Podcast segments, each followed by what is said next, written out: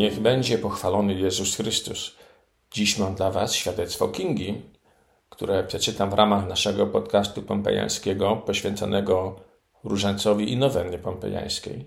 Kinga zatytułowała to świadectwo tak: Białaczka u mojego chłopaka. Przeczytajmy. W lutym u mojego chłopaka zdiagnozowano białaczkę limfoblastyczną. Postawiona przez lekarzy diagnoza przeraziła mnie doszczętnie. Świat mi się zawalił w jeden dzień. Wiedziałam, że już nigdy nie będzie tak jak wcześniej.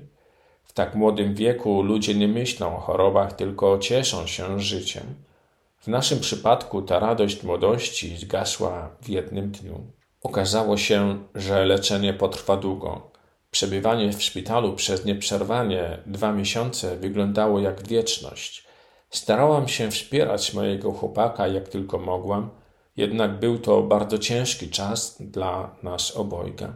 Postanowiłam modlić się nowenną pompejańską, gdy dowiedziałam się, jakich cudów ludzie doświadczają w czasie tej wyjątkowej modlitwy. U mnie było podobnie. Z tej krótkiej perspektywy czasu widzę, jak wiele siły dała mi ta modlitwa do przetrwania każdego dnia i dzielenia trudu choroby mojego chłopaka. Na szczęście cały proces leczenia przebiegał pomyślnie. Jestem przekonana, że to wszystko za sprawą Najświętszej Maryi Panny poprzez odmawianie nowenny pompejańskiej. Dziękuję Ci, Kingo.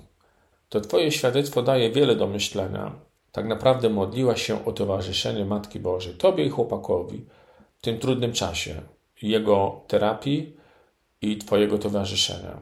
Ona była jak taka dobra opiekunka tuś przy Was.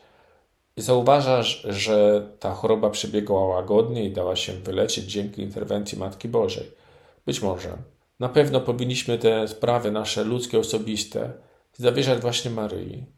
Wielu nas też myśli, że czasami powinien przyjść Pan Bóg z nieba i tak nagle wszystko naprawić, wszystko uporządkować, ale Bóg stworzył nas ludzi jako wspólnotę.